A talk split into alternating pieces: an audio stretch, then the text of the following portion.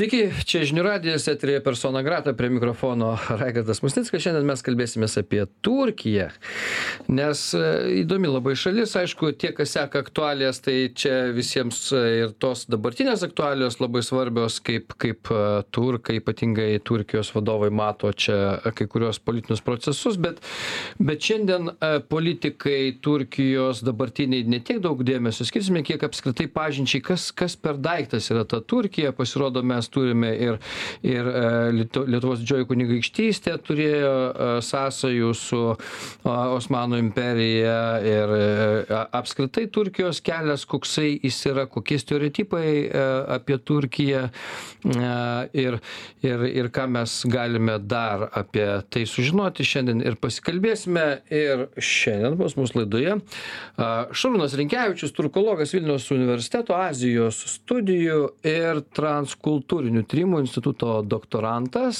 Sveikas, Šarūnai.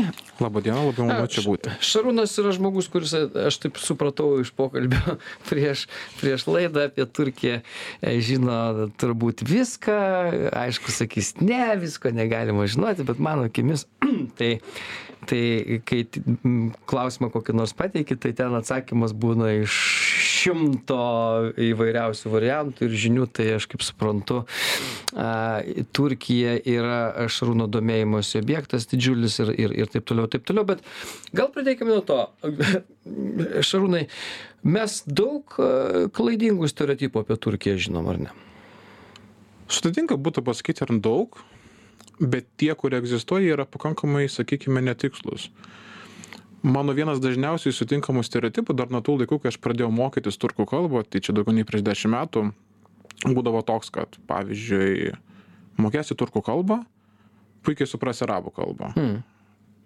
kad turkų ir arabų kalbos yra labai giminingos kad ten kažkokia yra vientisa regioninė masė kur e, nėra brėžiama kažkokių takoskyrų ir iš tikrųjų iš karto norėčiau pasakyti kad e, tai yra vienas iš pakankamai tokių jautresnių klausimų kadangi tiek turkų tiek arabų kalbos natūralu ir tų tautinių grupių kilmės istorijos yra pakankamai skirtingos Taip, mes turkų tai kalboje. Turkų kalbą išmokus arabiškai nesusišnekės su arabais. Ne, nesusišnekėsi. Taip, istoriškai turkų kalboje mes tikrai randame labai daug turk, arabiškos kilmės žodžių, beje kaip ir persiško.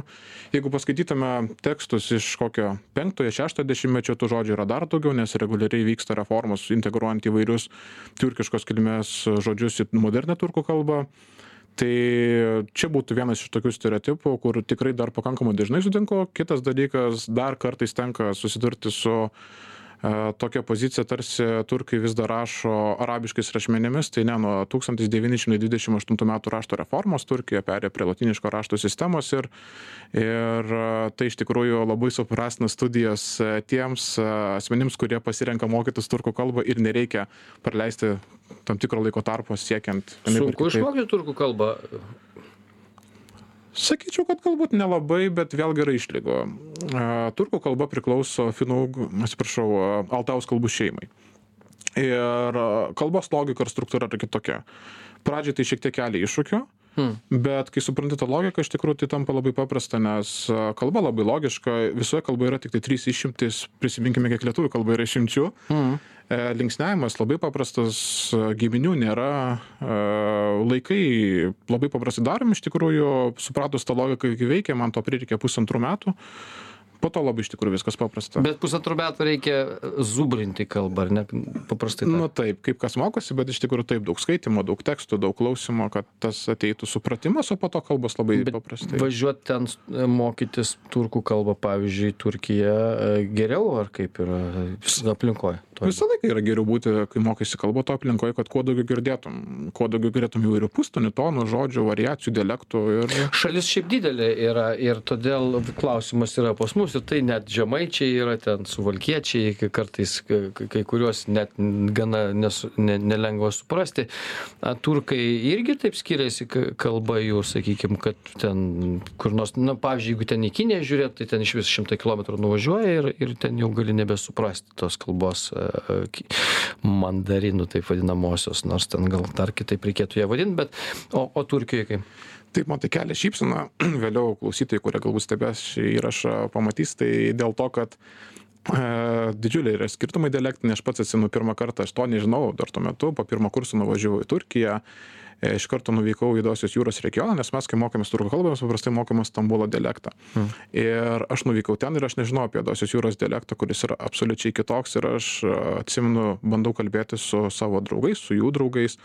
Ir jie pasakoja kažką man ir aš galvoju aš metus turkų kalbą mokiausi bet aš nieko nesuprantu ar su manim kažkas negerai ar su jais kažkas negerai ir paskui nuvykęs į kitą regioną prie jau rytinėj turkijoj tai aš supratau kad vis tik e, dialektai skirtumai yra didžiuliai nes pavyzdžiui rytinėj turkijoj dialektas yra jau labai artimas tam kuri ko tai turkų kalbai kur tai ta prasme azerbaidžaniečių kalbai mm. E, Juodosios jūros dialektas labiau paremtas ryšiais su Kaukazo šalių kalbomis ir taip toliau. Tai iš tikrųjų skirtumai yra pakankamai didžiuliai nuo regiono dialektinių. Nu, tai ką daro turkai iš Stambulo atvažiavo prie ten Juodosios jūros nebesusišneka ar kaip yra? Tie patys apie tai kuria anegdotus, apie patys apie tai kuria satyras, nes iš tikrųjų skirtumai didžiuliai. Iš tikrųjų, didžiuliai. O bendrinė kalba kažkokia ten egzistuoja, nu, kur per televiziją taip, šneka taip, taip. ir visi viską supranta. Taip, jau buvo paremta Stambulo dialektu ir iš mm. principo supranta, bet vėlgi, tu supranti, bet tu kalbi taip, kaip esi pratęs. Tai pas save, pas save regione, tu kalbi savo, ar ne? Taip, taip, taip. Kalba ir, nu, kaip užsienio kalba skamba iš esmės, jie galima sakyti, nes tarmės tai dar viena kalba yra iš principo. Taip, ir čia jau kiti klausimai, kalbos politikos klausimai, kada mes turime jau vertinam dialektą kaip atskirą kalbą, kada ne, tai čia jau lingvistai gal tą atsakytų labiau. Gerai, kalbant apie pačią Turkiją, mes šiaip daug, nu, kažkiek kas nors kiek domėjosi turkija tai įsivaizduoja kad aišku ten e, osmanų imperija nustojo egzistuoti. E, šiaip iš esmės turkijos istorija tai yra osmanų imperijos istorija ar ne? Kaip reikėtų vat nuo nuo ko pradėti turkijos istoriją? Aš suprantu iš šypsenos kad čia tuoj prasidės bet jeigu taip paprastai paprastai tariant taip tai yra tęsinys nes žiūrėkite turkijos respublika yra paskelbiama tūkstantis devyni šimtai dvidešim trečiais metais po turkijos e, respublikos nebe po turkijos nepriklausomybės karo. Iki to laiko toje teritorijoje buvo osmanų imperija osmanų imperija kuri egzistavo nuo tūkstantis du šimtai devyniasdešim devintų metų.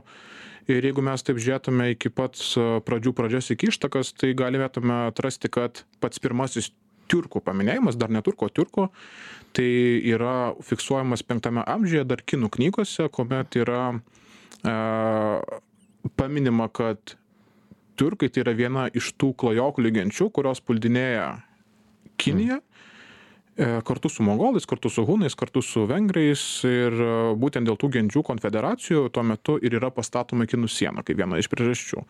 Ir tai yra turkų tas paminėjimo pati pradžia. Tuo metu veikiausia tarp tų genčių stipriausios buvo mongolai ir hunai nes nu vien tas tiurkų e, retesnis paminėjimas jau indikuoja, kad jie matyt nebuvo tokie matomi mm. taip plačiai. Bet iškyla apie penktą amžių, jie sukuria Gektiurkų kaganatą, jie klajojo po visą Eurazijos stepę. Kažkur čia toli labai dar buvo taip. nuo to, kur jie dabar yra, tiesą sakant. Taip, bet supraskime tokį dalyką, kad e, tai yra didžiulė geografinė erdvė, kurią vienyje tai, kad tai yra stepės. Ne stepės, kurios tęsiasi nuo praktiškai Ponto stepės, tai būtų šiandieninė pietų Ukraina, iki pat praktiškai Altajaus, iki pat praktiškai jau mm, Kinijos, Mongolijos iki Kinijos pasienio. Ir jie klajoja ir 9 amžiuje viena iš turkų genčių, tai yra Ouzai, priima islamą. Ir jie po truputį pradeda judėti į Persiją užima Gaznevidų imperiją, susibūrė Seldžiukai, nes būtent tai yra tas Ouzai, tai yra vienas iš šių klano atstovų ir yra būtent Seldžiukas, kuris ir iškyla, e, tai tampa pradžia naujai Seldžiukų imperijai, 2071 metais jie E, Mansikarto mūšyje įvykę Bizantija, atsiveria savo kelią į Anatoliją ir e, šiandieninę Turkiją ir po truputį e, vystosi toliau ta raida. Jiems svarbu buvo, aš, aš bandau suprasti, reiškia, kaip visi juda visą laiką, visi juda į vakarus, visiems reiškia, reikia kažkaip tai vat, paimti vakarus, ar ten Čingis Khanas kur nors eidavo visą laiką į vakarus, irgi per Kiniją dar kur nors. Tarsime, jie jausdavo, kad vakaruose yra ką veikti o gal ne visai taip galėčiau pasakyti tai kad dalis tiurkų genčių iš to gektiurkų kaganato juk jie patraukė ir į šiaurę tapo jakutų protėviais mhm. Vėlgi dalis juk liko ten pat ane jau tai tapo uig uigūrų protėviais tapo uzbekų protėviais dalis patraukė į vakarus. Bet tai buvo natūrali tąsa nes tai buvo didžiulė eurazijos stepė ir jie nuolatos kažkur judėdavo. Ir judėjimas buvo vėlgi pakankamai apribotas nes mes turime vėlgi kalnus ten ties kinija turime šiaurę jau dalin dalį kur iš tikrųjų šalta ir miškai ištisiniai ir turėjome du kelius. Tai vienas buvo iki pat europos per eurazijos stepę iki šiandieninės pat ukrainos pietų teritorijos. Kita erdvė tai buvo per persiją. Ir tie a, tos gentis, tie klanai, kurie vėliau tapo turkais šiandieniniais, tie pasiekė būtent savo tėvynę, tai yra Anatolija, tai yra Turkija šiandieninė, būtent per Persiją. Šiaip tie metai, man 1271 metai, kuriuos pats minėjai, jie, jie ten ir ir aukso ordos metai tokie maždaug yra panašus laikas kai ten tas laikas jisai yra šiek tiek persipina turėjo reikalų su jais va tuo tie karai kariavimas gi tai yra visa istorija iš esmės. I išmanumas e, karių ten janyčiarai visokie ir taip toliau kas kiek kiek susidurdavo ir kiek tose kovose gimdavo pradžios valstybių iš esmės tokių imperijų kaip osmanų imperija sakykim. Labai įdomus klausimas bet sakyčiau čia mes kalbame šiek tiek apie jau skirtingo charakterio valstybes aukso orda ir tos valstybės kurios buvo į šiaurę nuo juodosios jūros tai kurios pasiekė sakykime europą per tą šiaurinį kelią virš juodosios jūros virš kaspijos jūros. Jos vis dar iki pat pat trylikto keturiolikto amžiaus išlaikė savo tokį klajokliškumo charakterį. Tiek karyboje tiek gyvenimo būde. Jos buvo paskui jau vėliau pusiau klajoklinės osmanai arba dar tie kas vėliau taps osmanai tai yra seldžiukų klanai jie praktiškai pradėjo jau labai stipriai įsislieti nuo vienuolikto amžiaus. Norėjosi jiems sėslaus būdo tokio ar kaip? Kažkiek norėjosi kažkiek ir vėlgi geografinė aplinka privertė nes vienas dalykas yra gyventi stepėj kitas Mhm. dalykas yra gyventi jau tose kalnuotose teritorijose su įtvirtintais miestais kur jau visai ir karyba kitokia ir pats tiesiog ekonomikos funkcionavimas kitoks kur jau tiesiog buvo sena miestų tradicija. Ir dėl to iš tikrųjų tai pakankamai skirtingo charakterio valstybės ir iš tikrųjų tai turėtų reikėti mintyje. Trumpą pertrauką darom. Šarūnas rinkevičius turkologas šiandien pas mus laidoje po pertraukos pratęsim tęsiame persona grata šarūnas rinkevičius turkologas vilniaus universiteto azijos studijų ir transkultūrinių tyrimų instituto doktorantas. Šiandien mes apie turkiją šnekam pradėjom nuo turkijos istorijos ir ir čia bandom atrasti visokiausių sąsajų. Tai kad jie dabartinės turkijos teritorijoje yra na osmanų imperija ten sustojo kaip aš suprantu ir ten ir ir pasiliko. Čia dėl ko taip nes gi osmanų imperija tai tokia buvo nu šiaip viena iš iš turbūt galingiausių imperijų kuri gal dar galėjo eit kur nors bet negi sėslumas taip nugali žmones tiesą sakant nugali bet vėlgi iš tikrųjų tai juk ta plėtra vyko ištisai juk tai yra natūrali imperijų dinamika kad vyksta plėtra vyksta tai teritoriniai kažkokie išsiplėtimai tai teritoriniai susitraukimai tai buvo osmanų imperija išsiplėtusi ir iki pat praktiškai balkanus iki pat vienos beveik. Juk ir mes mūsų istoriją žiūrint ldk vėliau atart juk irgi turėjome bendrą pasienį apie kiek ten apie tris šimtus metų. Buvo išsiplėtusi iki pat jemeno iki pat tuniso tai iš tikrųjų ta plėtra vyko bet vėlgi pati pati bazė pati ta erdvė kur osmanai kur buvo osmanų branduolys tai buvo ta pati anatolija jie imperialistai yra ar ne? Vat vis tiek pats šarūnai važinėji tenai ir ir darai tyrimus kiek aš žinau ir ir tuos sąsajas ieškai su lietuva ir visa kita daug ten visokiausių tyrimų o o šiaip vat žiūrint į juos jie nes kai kai tu mes visą laiką bandom suprasti men mentalitetą ir iš to kiek jisai prisimena tą didingą istoriją. Mes patys tokie esam lietuviai. Nu prisiminkime kai ten nuo juodosios jūros iki baltijos buvom ir taip toliau tas vat pasididžiavimo jausmas. Tai aišku mūsų valstybė dabar mažesnė o o jų taigi didelė ir jie ir toliau galėtų būti imperialistai. Čia matot yra labai daugiasluoksnis klausimas kadangi reikėtų suprasti kad turkijoj mes turime kelias valstybės vystymo požiūrio netgi istoriją tokias atšakas. Tai viena vertus dalis turkų remiasi kaip į savo aukso amžių tai būtent į osmanų imperijos laikus. O konkrečiai taip pat tas aukso amžiaus klestėjimas buvo penkioliktas šešioliktas amžius. Kita dalis akcentuoja kaip patį svarbiausią turkų istorijos akcentą, tai būtent tą faktą, kad jie yra kilę iš Vidurio Azijos, kad jie yra giminingi kitiems turkams ir kad tai yra svarbesnis akcentas, kuris turėtų būti labiau vystomas. Kita dalis yra už nuolatinę kooperaciją su vakarais, kuriems tai yra tarsi svarbiausias akcentas, kitus du galbūt šiek tiek nustumiant į šalį. Ir mes nuolatos turime tą tokią, sakykime, nevadinčiau to takoskirą. Tai, sakykime, nes tie, kom, tie momentai tam tikrą prasme vienu metu visą laiką egzistuoja Turkijos sąmonėje, tiek uh, intelektualinėje kultūroje, tiek ir, sakykime, kasdienybės kultūroje.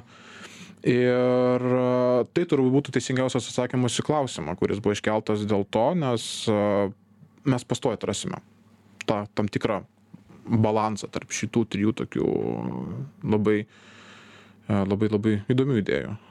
Tai yra islamiškas pasaulis vis dėlto Turkija, ar ne? Tai yra uh, musulmonai taip tai yra didžioji gyventojų dauguma yra musulmonai tai yra istoriškai nors yra ten krikščionių e, ir aš pažįstu turkų kurie yra krikščionys tuo labai didžiuojasi turbūt ir gal savo laiku ir daugiau jų buvo dabar kaip aš suprantu jie jau pilnai ten pasiduoda islamui tai matot čia iš tikrųjų yra vėlgi apie asmeninius pasirinkimus tai iš tikrųjų kalbėti yra nu kaip suprantate visą laiką yra tas klausimas sudėtingas nes čia jau yra individualūs faktoriai veikiantys bet jeigu kalbėti apie šiandieninę turkiją ir jos tokią sakykime kultūrinę tapatybę, tai iš tikrųjų tai tas islamiškasis akcentas, tai taip ir jis yra matomas ir tiesiog. Bet, bet ir, ir tu minėjai, kad ir šiaip jie jau tada, jo istoriją žiūrint, jiems buvo labiau priimtinas dėl kažko tai islamiškas tikėjimas, ar nesakai? Matot, čia reikėtų atsigręžti vėlgi 9 amžių, kuomet mes dar turime subirėjusi Turkų kaganatą ir iš to subyrėjusio tiurkų kaganato mes turime įvairiausius tiurkiškus klanus, e, kurių dalis atsivertė islamą, dalis tapo manichėjais, e, dalis tapo judėjais ir tai tapo Hazarų kaganato pirmtakais. Dalis tapo krikščionimis. Bet taip jau nutiko susiklosti istoriškai, kad būtent turkai, tai yra turkai Ouzai, su Seldžiuku, kuris iškilo iš to klano, jie susiformavo kaip stipriausia politiškai grandis ir šiandieną būtent mes matome, galvodami apie turkus, visų pirma, Turkijos veidą. Nes jis istoriškai bus stipriausias, nes vėlgi reikėtų suprasti, kad e, mes turėjome vieną vertus Čingischano, kita vertus Timūro užkariavimus, kurie mhm. praktiškai sunaikino visas tas stipres struktūras e, Eurazijos stepėje, kurios egzistavo paraleliai, kai pradėjo formuotis Osmanų imperija. Osmanų imperija atsigavo, jis susimobilizavo, jį labai greitai pradėjo vystyti ir toliau plėtrą, vėlgi jie turėjo pakankamai stiprius e, tas dinastinės e, paveldėjimo visas struktūras, kurios ir leido jiems pakankamai greitai atsistoti ir vėl toliau uh, mobilizuotis. Kitiems turkams, ne, kitiems turkams po truputį jie mm, vienai per kitaip istorijos eigoje dalis susineveliavo, dalis išlaikė tapatumą, bet politiškai tai būtent Turkija tapo stipriausia grandis. Trumpą padarom po pertraukos, pratesim. Tęsiame persona grata šarūnas rinkevičius turkologas vilniaus universiteto azijos e, studijų ir transkultūrinių tyrimų instituto doktorantas. Šiandien pas mus laidoje mes apie turkiją šnekamės. Turkija aktuali įdomi visiems e, mūsų kryptis atostogų turkija yra e, ir ir šiaip na dabartinėj politikoj viena iš tokių šalių kuri dabar labiausiai čia matoma ir ir aš nežinau aišku man visą laiką norisi truputėlį tas aktualijas bet jinai čia dabar paties akimis žiūrint čia žaidžia savo žaidimus ar čia ar ar ar ar tikrai nori kokią tai čia taikdarišką misiją sugalvojus? Ir ar čia ar čia grynai dabar tokie žaidimėliai yra? Sunkus klausimas. Sunkus klausimas. Nesinori politikuot ar ne? Tai vėlgi reikėtų suprasti kad Hmm. Bet jinai dabar svarbi čia pasidaręs. Vienareikšmiškai taip, tuo labiau, kad Turkijai juodoji jūra, aš gal nesakyčiau, kad ta juodoji jūra buvo kažko istoriškai reikšmingesnis regionas už kitus ar už kitas jūras, bet tas net ir istoriškai, juk žiūrint, tas pats Krymo klausimas, ne, mm. turkams. Tai čia turbūt ir pats pasisakysiu apie tokį mitą, kai uh, istoriškai mėgstama kartais yra kalbėti apie tai, kad kai 1475 metais nukariauja Osmanai Krymo Hanatą, Kartais tarsi atrodo, kad Krymo Hanatas yra suvokiamas kaip integrali Osmanų imperijos dalis, bet iš tikrųjų tai nebuvo. Jie turėjo, taip, jie buvo vasalinė valstybė, bet jie iš tikrųjų turėjo pakankamai plačią autonomiją, iš tikrųjų vykdė ir toliau savo atskirą užsienio politiką tiek su LDK vėliau, tiek su ATR, nes, nu, po, po Liublino unijos, kai tos sienos pasikeitė. Jie leido tą daryti, kitaip sakant. Jie leido, bet, bet vėlgi reikėtų irgi tokį dalyką suprasti, kad Osmanų imperijos laikais, ypač kai mes kalbame apie tą jų klėstėjimo amžių, tai yra 15-16 amžius, iš principo ir 17 jiems juodosios jūros klausimas buvo tarsi toks, nenoriu vardinti pagal konkrečią eilę, bet iš tikrųjų tai tikrai ne pirmos ir ne antros eilės klausimas. Tuo metu osmanai turėjo karus su Habsburgais, tuo metu mm. osmanai turėjo karus su Venecija, tuo metu osmanai e, turėjo plėtros planus netgi Indijos vandeninė, tuo metu osmanai užėmė 1517, 1517 metais šventasios žemės, tai yra Meka ir Medina. Ne, jiems iš tikrųjų jų sąmonė į tai buvo kur kas svarbesnės e, aktualijos negu jų šiaurinės sienos, kur, e, kalbėkime paprastai, kur kažkur šalta, kur kažkas tolima. Ir jie iš tikrųjų tam tikrą prasme ir buvo pakankamai lengvai žiūrintys šitą klausimą, nes iš tikrųjų Tai vėlgi, tai nebuvo jų prioritetas. Krymas nebuvo toks ar nesvarbus jiems čia. Tuo labiau, kad Krymas pats buvo pakankamai stiprus, pakankamai stiprus iki pat 18 amžiaus. E, ką gal būtų galima iš tikrųjų paminėti kaip tokį labai įdomų faktą, tai iš kalbinės pusės, kad e, Krymo totorių kalba iš tikrųjų yra pakankamai artima šiandieniniai turkų kalbai ir tikrai nėra sudėtinga suprasti. Pavyzdžiui, kitos turkų kalbos jau galbūt yra labiau nutolusios, bet, pavyzdžiui, Krymo totorių tai tikrai artima yra. O vad kalbant dar apie, apie Osmanų imperiją ir apie tos karus, kuriuos čia jūs minėjote, pirmailiai tie karai, e, iš tikrųjų dėl ko jie kildavo karai su, su su Habsburgų dinastija, su kitais. Čia dėl, kas kal, kaltas dėl tų karų? Ar čia šiaip nepasidalina tiesiog, na, įtakos zonų kažkokiu tai? Čia, kad sakykime, paprasčiausia, kai mes turime imperijas, imperijas, kurios turi kažkokią tai misiją, kurios turi kažkokią ambiciją ir turime tų imperijų susidūrimą ir tiesiog paprastą kovą dėl teritorijų, dėl galios. Nes, nu, yra įvairios tos susidūrimai, ten, sakykime, Romos imperija, jinai tiesiog plėtėsi. Nu, tiesiog, vat, sakykime, arba, arba žiūrint į antiką, sakykime, makedoniečio laikus, nu, tai reikėjo eiti ir kažką kariauti, nu, kažkaip panaudoti savo įgūdžius. Makedonietis tą darė dažniausiai. Iš, ką išmokęs, daugiau nieko nemokėjo daryti, tik tai kariauti. Nu, tai, nu, kariaujam, einam ir tiek. Ir nebūtinai susidūrimas su kita imperija bet tiesiog kažką, nu, su persais, taip, tai, tai karas su persais jau buvo toksai jau, sakykime, bet paskui, nu, vat, kur šaus galva ten ir einu. Tai čia vat kiek tas, nes čia vyksta karas Europoje iš esmės, ar ne, ką mes matom, pietų Europą ir taip toliau. Mm, kokia ta misija? Nes, nu, visokias šitas misijas Putinas savaip įsivaizduoja misiją savo, kokią nors, reiškia. Tai, tai kokia Osmanų imperijos misija buvo? tai čia turbūt būtų galima suvesti viena vertus į tai kad tai buvo nuo šešiolikto amžiaus neabejotinai islamiško pasaulio centras kuris kariaudavo dėl įtakos su jau tuo metu iškilusiais safavidais iš persijos bet turint minty strateginę reikšmę strateginį dydį tai buvo neabejotinai ta centras ir galingiausia valstybė iš kitos pusės tai ta buvo misija, kad... O religijų susidūrimas šitoje vietoje kaip nors jisai čia reikšmingas ar ne? Kažkiek, bet matot, ypatingai kai 1453 metais buvo žindas Konstantinopolis, tai tuometinis sultonas Mehmetas užkariautas iš tikrųjų tą turėjo idėją, vėliau beje jinai atsikartojo iki pat 16 amžiaus pabaigos, kad a, a, jie užima antrąją Romą arba naują Romą, ne? Ir kad jie galėtų būti ta naujaja Roma, kuri ką darytų, kuri tiesiog vienytų. Vienytų ne tik tos tautos, gerai, gal ne tautos to laikotarpio kalbant, tuos gyventojus toje valstybėje, taip pat ir vienytų kažkokią tai turėtume tą civilizacinę reikšmę. Kitas dalykas, vėlgi, Osmanų imperija turėjo iš tikrųjų klasikiniu laikotarpiu iki, iki 19 amžiaus, tai jinai panaikinta sistema 1856 metai, tai buvo kitatikių integravimo sistema osmaniškai gyvenimą, paremta milėt principu, tai vadinamoji, tai pagal žodį tauta, iš ar verčiant iš tikrųjų iš turkų ir arabų kalbų, tai tai jos tos bendruomenės irgi turėjo pakankamai platų, platų principą ir tas momentas taip pat buvo išnaudojamas toje plėtroje, kad važiuokit čia gyvenom visi ir, ir, ir turime tą modelį sukūrę.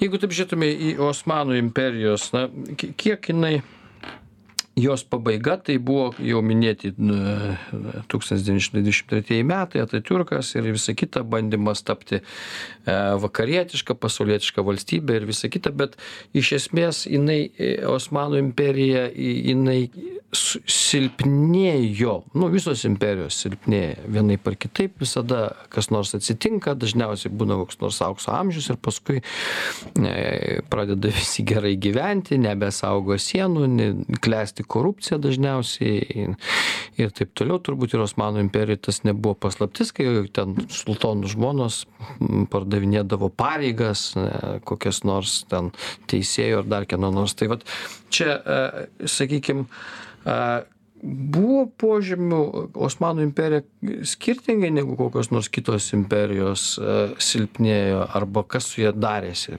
laiku esant. Tai gal pradėsiu nuo to, kad turbūt korupcija tai turbūt nu čia toks yra dalykas kur turbūt turėsime mes jį visur tai čia turbūt nebuvo hmm. būdinga. Čia ta prasme čia mes kur be be pakapstytume visą laiką atrastume momentą. O dėl silpnėjimo tai aš to ne ne visai pavadinčiau silpnėjimu čia sakyčiau susidūrė du faktoriai. Tai vienas iš faktorių buvo ne osmanų imperijos silpnėjimas o buvo E, įvykęs aštuonioliktame amžiuje technologinis karyboje ypatingai matomas e, šuolis e, vakarų valstybėse kuris iš tikrųjų lėmė kad ta karyba klasikinė kuri osmanams buvo labai palanki keturioliktam penkioliktam amžiuj jau pavyzdžiui vien integruojant vis daugiau šaunamųjų ginklų ane kariuomenės struktūras jau nebebuvo tokia palanki ir jau tai savo ruožtu irgi lėmė tam tikrą vis e, dažnesnį pralaimėjimų skaičių. Kitas dalykas. Tai Pramonės tai, revoliucija, taip vadinamoji. Iš esmės taip, iš esmės taip. Tai iš tikrųjų ypatingai XIX amžiuje tas labai stipriai pasimato, kai pradedant tiesiog ginklai masiškai gaminti ir kai mm. tiesiog jau tos kariuomenės turimai tampa vis sudėtingesnė. Kitas dalykas tai yra pati Osmanų struktūra, nes mes turėjome Osmanų kariuomenę, kuri iš tikrųjų e, buvo paremta to funkcija, kad e, janičiarai, kurie iš tikrųjų atlikdavo tarnybą ir kuri buvo pati E, sakykime, turbūt reikšmingiausia klasikinio laikotarpio Osmanų kariuomenės grandis, jie gaudavo nukariautose teritorijose tam tikrą žemės e, plotą, kuriuome jie tapdavo e, valdovais, bet tas žemės plotas būdavo nepaveldimas. Kitaip tariant, mm. tai e, nebuvo auginamos aristokratų sluoksnis. Tiesiog tai buvo už vieno žmogaus nuopelnus jo gyvenimo atly, tarsi mm. suteikiamas atlyginimas.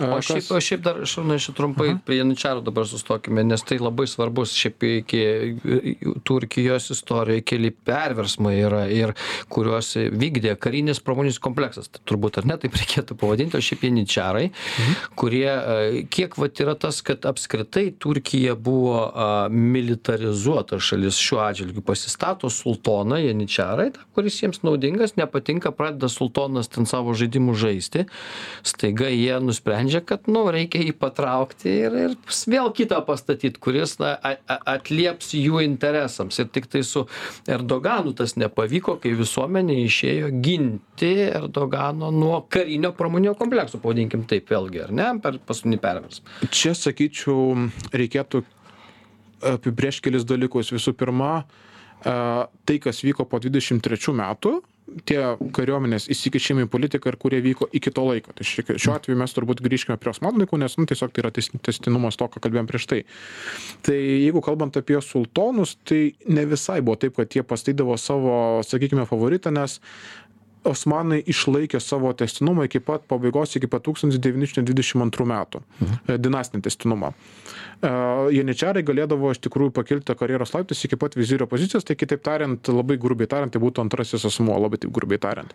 Ir būdavo eros, kai iš tikrųjų viziris būdavo pats reikšmingiausias asmuo politikoje ir viešame gyvenime dėl įvairių priežasčių, kartais tai sultono nenoras, kartais galbūt nelabai ir e, nu, kit, kiti įvairūs faktoriai, mm. kurie leisdavo, sukurdavo prielaidas tam, kad sultono vaidmo nebūtų toks reikšmingas. Tai e, taip, jie buvo labai reikšmingi ir jų reikšmė pradėjo mažėti iš tikrųjų iš dalies tada, kai jie pradėjo jau tų naujų teritorijų ne, neužkariauti ir tiesiog jie vis labiau ir labiau pradėjo to negauti naujų teritorijų, tai irgi tam tikrą prasme tai kirto per tą jų mobilizaciją ir jie pradėdavo irgi jau paskui viduj jų valstybė vis daugiau ir daugiau kelti maištų. Tai iš tikrųjų tai sudėtinga, iš tikrųjų yra istorija, jo labiau, kad mes kalbame labai suprastinti apie kelių šimtų metų mm. trukmės įvykius, bet iš tikrųjų taip, tai e, kariuomenės struktūra buvo irgi vienas iš labai svarbių dalykų, kuris, e, vienas faktorių, kuris iš tikrųjų prisidėjo prie tiek sparčios plėtros, tiek ir tos sėkmės e, 15-16 amžiuje. Ir iš tikrųjų realiai mes žvelgdami ir istoriją, ir karybą, matydami ankstyvai plėtrą, kodėl būtent tos panams pasisekė, o ne kitiems bylykams Anatolijai tuo metu e, Bet tai dar labai svarbu, vat, ką pats minėjai, Šarūnai, iš tikrųjų, kad ta pramonės revoliucija iš esmės jau silpno Osmanų imperiją. Bet žiūrėkime, iš šias dienas jie sugebėjo pasivyti visą tai, persimast, permastyti, visą kitą. Nu, šiai, šiai dienai turbūt Turkijos kariuomenė yra ten gal į, penk, nežinau, į vieną stipriausių kariuomenių. Turbūt eina į dešimtuką ar penketuką, dabar aš negaliu pasakyti. Bet, bet e, jie vadinasi suprato, kad reikia greitai judėt persitvarkyt ar ar tai ilgai užtruko vis dėlto su nuostoliais? Tai turbūt vyko dviem etapais ir taip iš tikrųjų pradėkim nuo to kad turkijoje kariuomenė iš principo yra labai gerbiama ir karinę tarnybą ar atlieka visi? Ne nes vėlgi yra visokių išimčių visokių faktorių bet iš principo tai karinė tarnyba yra matoma kaip prestižo reikalas kuris vėliau suteikia ir įvairių lengvatų siekiant darbo valstybės tarnybai. Ypač turint minty kad turkija valstybės tarnyba iš principo yra labai konkurencinga lyginant su privačiu sektoriumi.